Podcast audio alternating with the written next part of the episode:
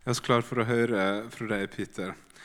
Eh, Peter er min kontorbuddy her oppe. Vi sitter på kontoret og spiller litt dart sammen. og eh, forskjellig sånt. Og han jobber veldig mye både her i forsamlinga og rundt forbi Norge med innvandrerarbeid.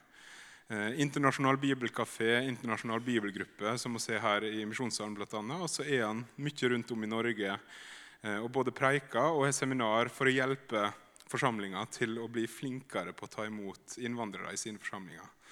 Eh, og så er jeg veldig glad for at du kunne komme hit eh, også, til oss i MUF, og tale her. Han skal tale over temaet Acts 29, som jo er Apostlenes gjerninger 29 på engelsk. Og De observante bibellesere har sett at det kapittelet fins egentlig ikke. Og Det henger sammen med at oss også er en del av på en måte Guds frelseshistorie. Eh, Guds frelseshistorie stoppa ikke med Apostelens gjerninger 28, men oss også er faktisk en del av den historien som Gud skriver. Så Det skal Peter få lov til å snakke litt om nå. Og Han kommer til å tale på engelsk. He will preach in English.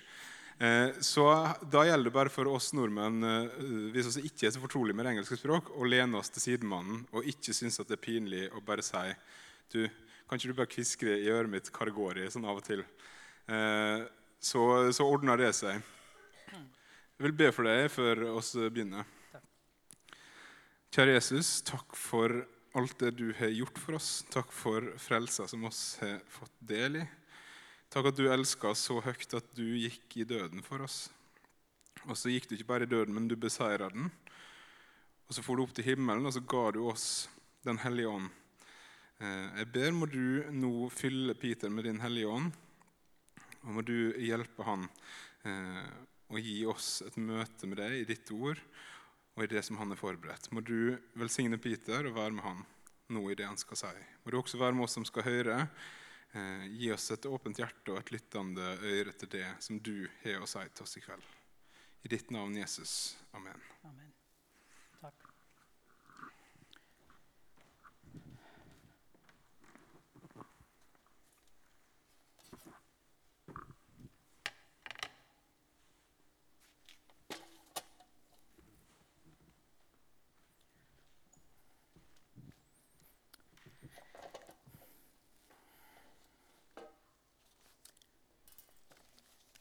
Hi, good evening. I was expecting you people gonna answer.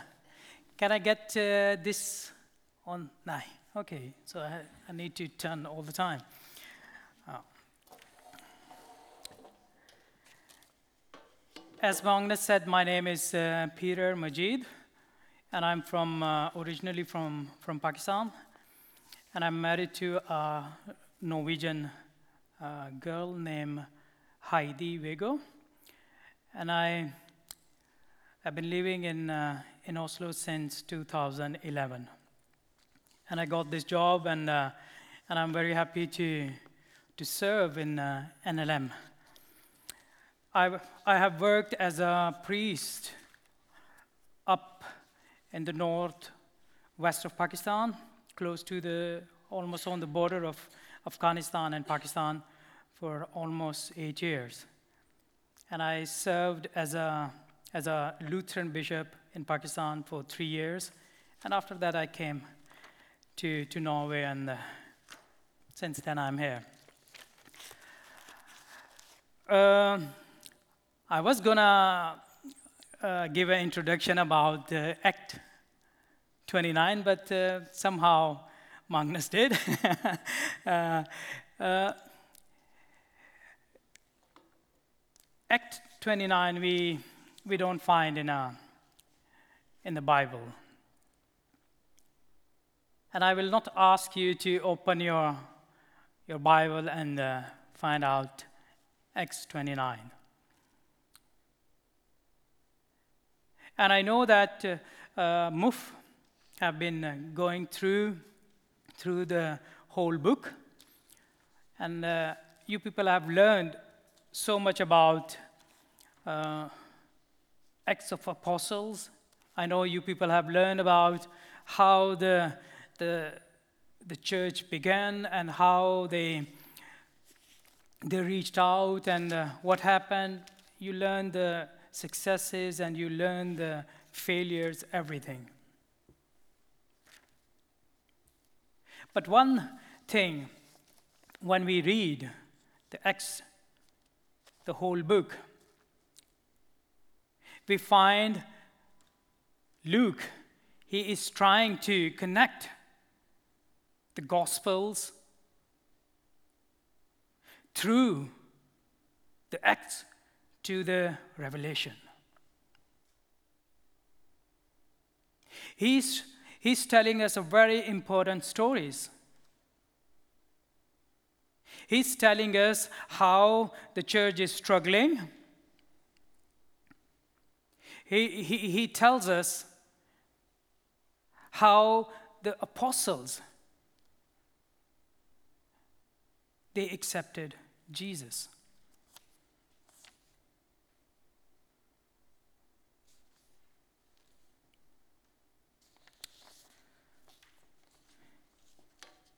Since we, we cannot read from the Acts 29, I would l- like to read the last verses of uh, chapter 28, 30 and 31. And it's written here For two whole years, Paul stayed there in his house, rented house, and welcomed all who came to see him. He proclaimed the kingdom of God and taught about the Lord's Lord Jesus Christ with all boldness and without hindrance.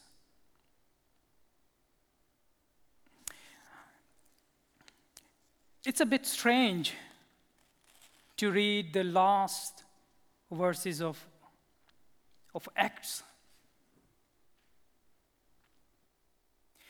You and me, we know from the childhood, we, we learned and we used to read the, the stories. Once upon a time, there was blah, blah, blah, blah, blah, blah, blah, blah, and then the story ends.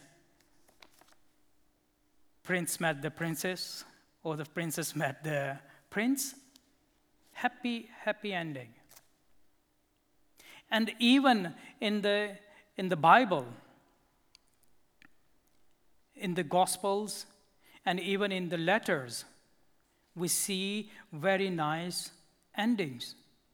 But here, when Luke is writing a last chapter, last verses, somehow he maybe he forgot to, to give us an ending.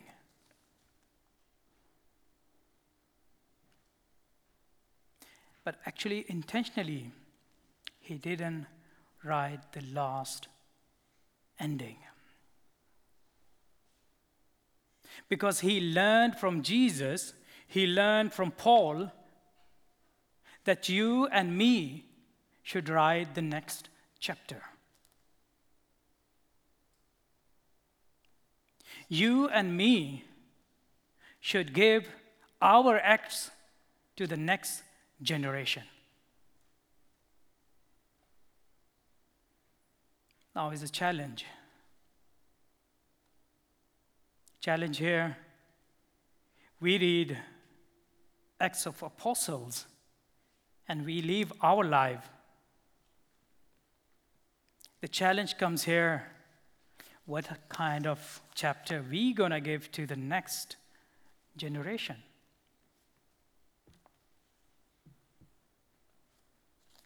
and that is the topic today we gonna learn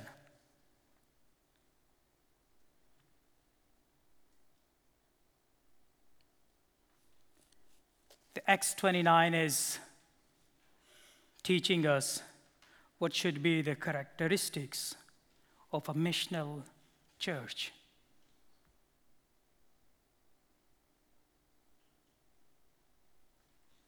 I intentionally use this word, characteristics, because it points out good and bad things, merits and demerits. And we see in the Acts the failure and success of all the apostles. And Acts 29 pushes us to write the same thing.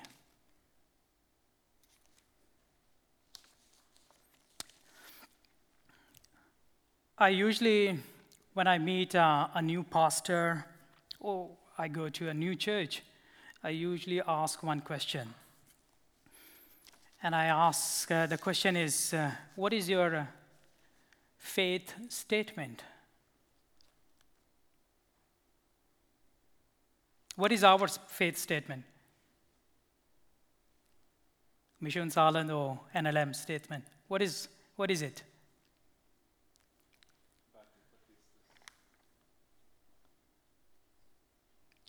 World for Christus, for Jesus, for Jesus Christ.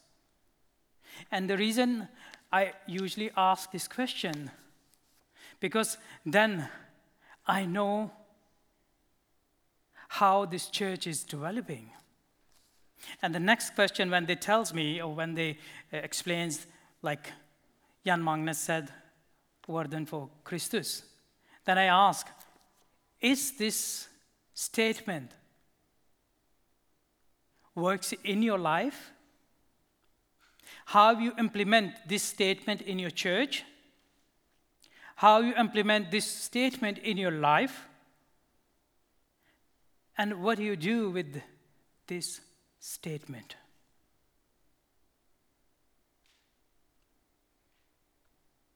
It is very important to, to tell that we are doing something. And the statements mean like we are doing this thing and we're going to do that thing. When we read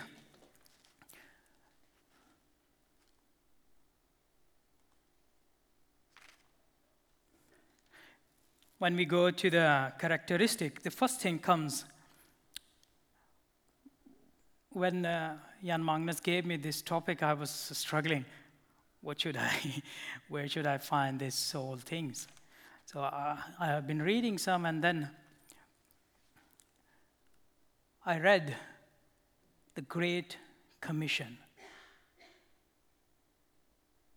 And I developed this sermon through the Great Commission. And if we read the Great Commission, the first things come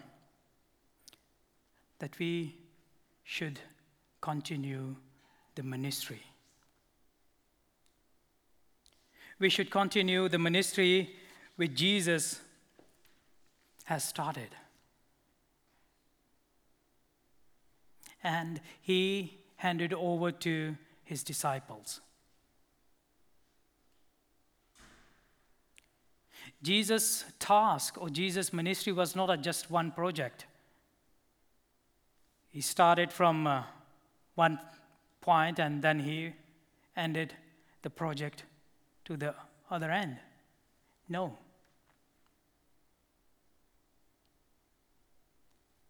Though he died and rose again and went back to the heaven, but his mission is continuing. And he wants you and me to continue that mission.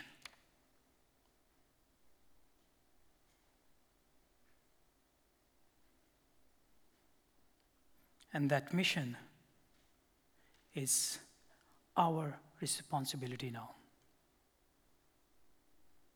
You people read in a, from chapter 1 to chapter 28 how the apostles they they took over the, the mission and they carried on the, the mission and they executed the mission. Now it's upon our shoulder to execute, to carry on.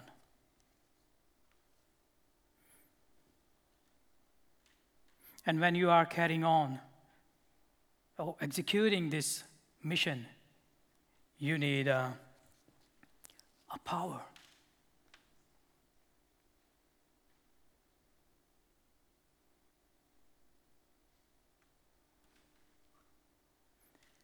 You need a power to execute, you need a power to carry on this mission.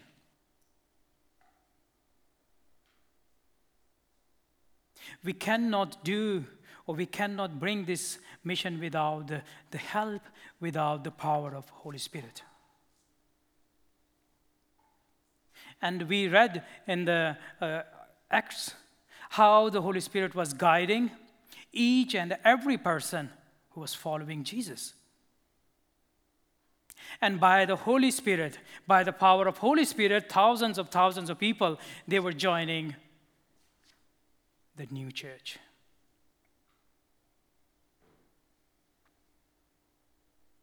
Now, the Acts 29 tells us that we need to be equipped, we need to be empowered by the Holy Spirit. Don't be afraid when I say you need to be empowered by the Holy Spirit. Because sometimes we feel that there are some specific uh, denominations, they're going to talk about the Holy Spirit. No. Every Christian need to be equipped, need to be empowered by the Holy Spirit. And when you are empowered with the Holy Spirit, it's going to be easy to carry on the carry on the mission.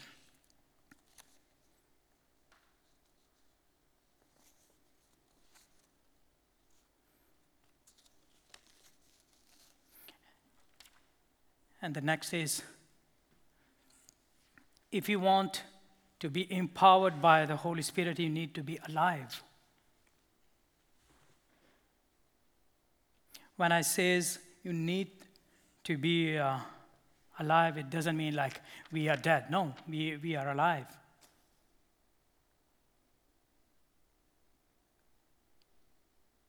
Alive mean you can testify that Jesus did something in my life. You can testify that He is my Savior.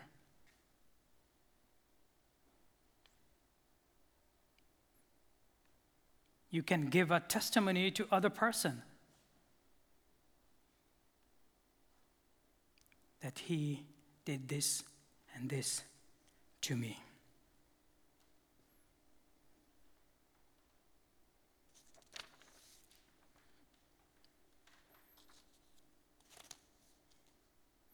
You need to have a knowledge, personal knowledge, to give a testimony.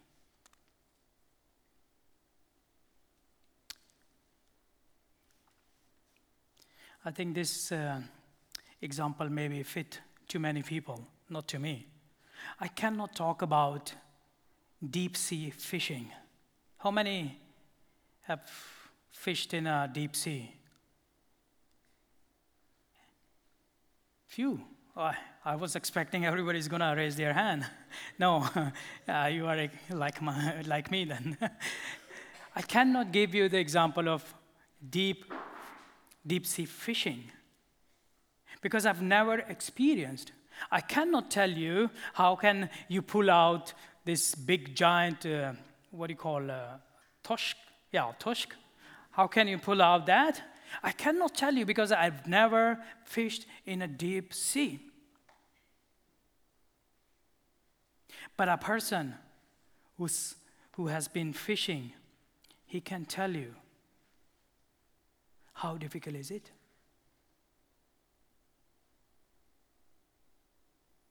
He had a life experience. He lived in his life and he knows how to, to fish. So every church in a present age needs to be alive. And that's mean you need to give a example, living example. If you go in a, in a court, courtroom or in a stool thing or thing, any lawyer will give you the lots of examples. He's going to say that he did this and he did that and ah, that, that, that, that, many things. And then the witness comes and he or she says, Yeah, I saw him. I saw this. And then the judge makes a decision. Yeah, he is the eyewitness. So every church needs to experience in their life that Jesus did something. The next thing, it's church needs to be active.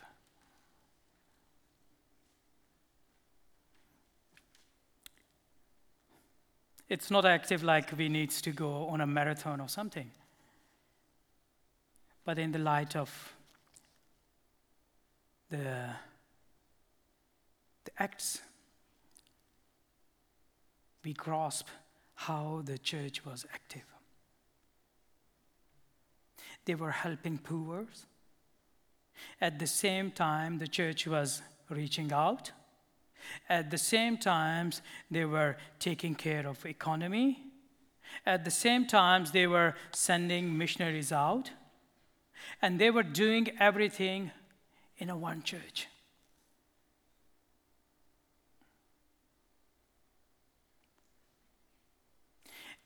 And in our present age, every church needs to be active.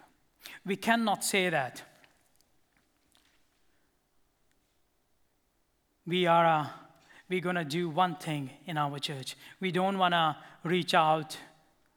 We don't want to uh, do this. We want to only we only want to do the diaconal work.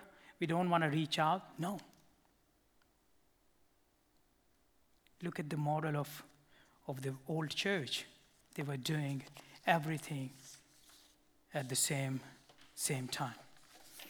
I will go a bit faster.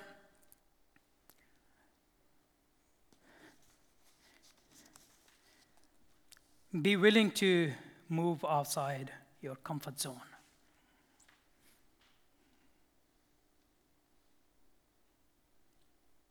If you want to be a missional church, you have to come out from your comfort zone. Otherwise, you cannot reach out.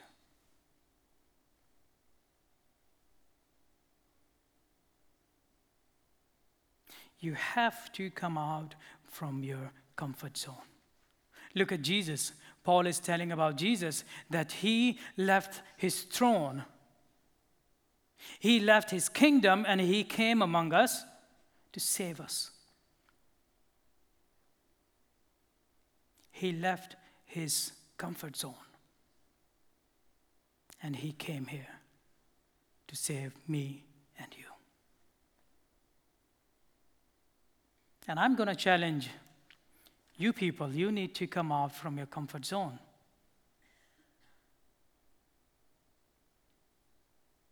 I was talking to Jan Magnus the other day, and I said, I'm going to challenge you people to come out from your comfort zone. I like a Norwegian one word. You, you people use a word skap a lot. You put everything in the, in the closet. You put everything in the skap. Ekteskap, vittneskap, uh, selskap, everything skap, skap. and I was, I was talking to my wife and I said, what is this? Why you people put everything into the, into the closet? Why you are so closed? No offense. Why you people are so closed? You need to come out from your comfort zone to reach out to people. I loved uh, two weeks ago there, uh, there was a one couple going to the abroad to be a missionary. But I would be more happy to see you people to reach out this city as well.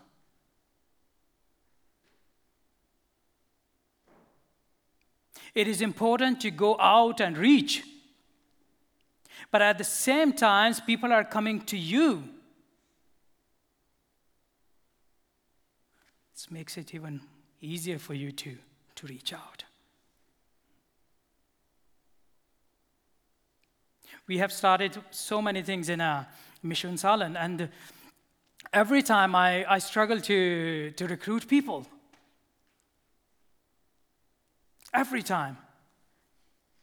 To do some stuff with us, to help us. You need to come out from your comfort zone to reach out. That's what all the apostle did, and that's what Jesus did.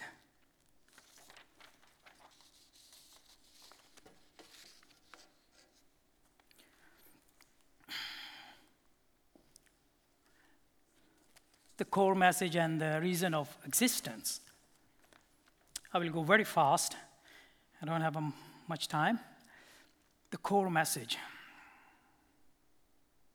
It is very important to, to keep in our mind when we are reaching out what kind of message we bring to the people.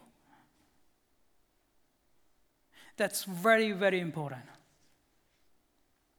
And we saw in the, in the Acts, Paul and all the other apostles, they were very concerned about the message. And even Paul is, is, is in one point, he's uh, very angry and he says, Who's Paul and who's uh, Apollos and who is this? Jesus is the one. The core message we need to, to bring out. I remember one conversation with uh, one of the, uh, the member of uh, Christian organization from Norway many, many years ago, before I started to work here.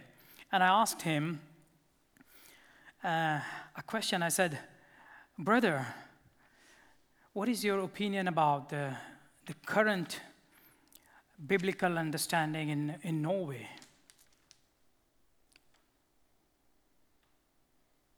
And he said, Peter, let me tell you one thing. Don't worry about the message. The important thing is to reach out. And I stopped talking to to him the next moment. I said, Oh, okay, I understood what you meant. And the core message is there is only and only one way, and that is Jesus.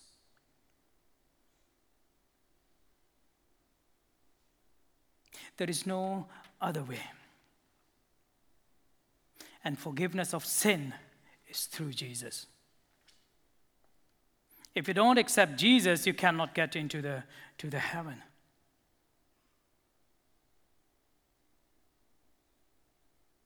And if you want to go into the heaven, you need to repent. You need to leave your sinful life. But that person said, uh, uh, We don't talk about sin. So if you don't talk about sin, how could you convey the message?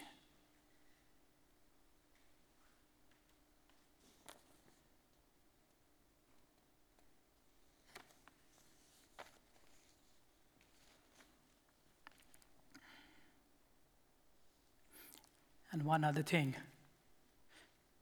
as a missional church, we shouldn't be afraid to, to stand on a core message. Don't be afraid to stand on a core, core message, fundamental message. Maybe many people will think, when you're going to get normal, many people will think, oh, they are getting abnormal. But in God, God's eyes, we are normal. The last thing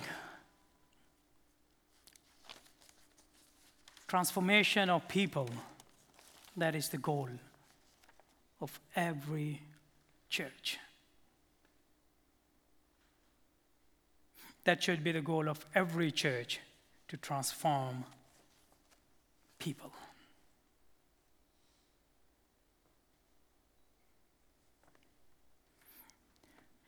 Yeah, when I go to the gym, usually there is a, a note there transform yourself to the fitter body or something.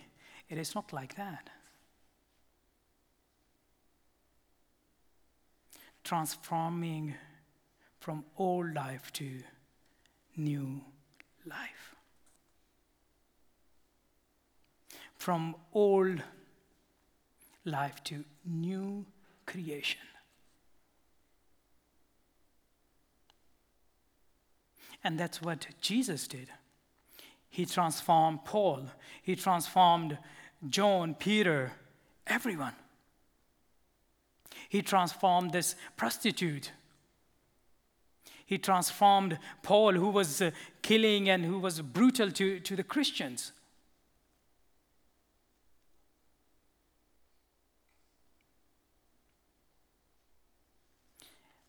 But on the way of the transformation, sometimes we, we miss the focus.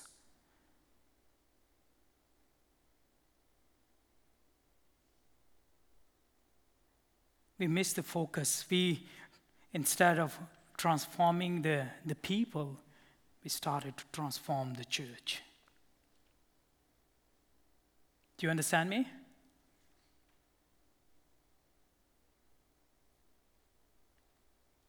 We're supposed to transform the people.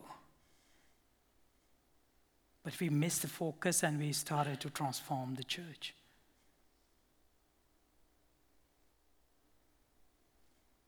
With the new ideologies, with new theologies, with new concepts.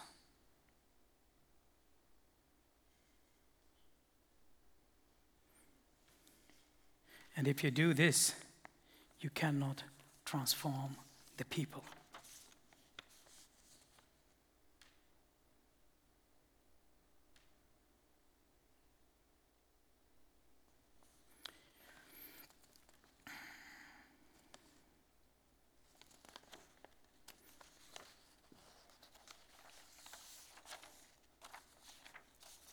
I love the the of Paul's uh, letters. He talks about the new life, changing of life, transforming. You should transform yourself from old life to new creation. New creation.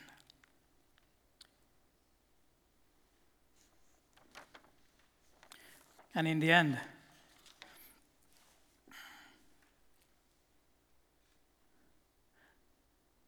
I'm, I'm trying to imagine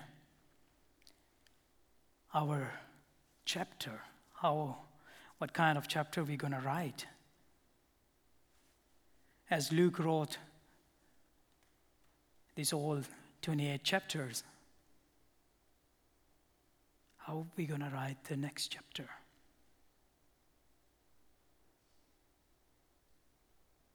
And challenges here. We're going to write that chapter with our character, with our lives, with our behavior, with our attitudes, and most importantly, with the power of the Holy Spirit.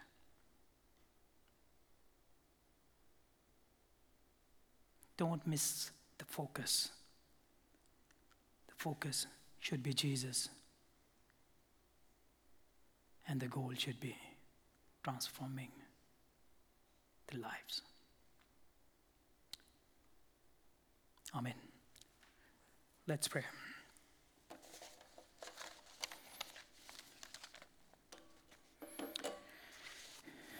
Dear Heavenly Father, we give thanks to you for this day. Thank you, Lord, for helping us to, to see that how you want your, your church. help us to, to fix our eyes upon you. Lord, help us to, to follow you and your examples.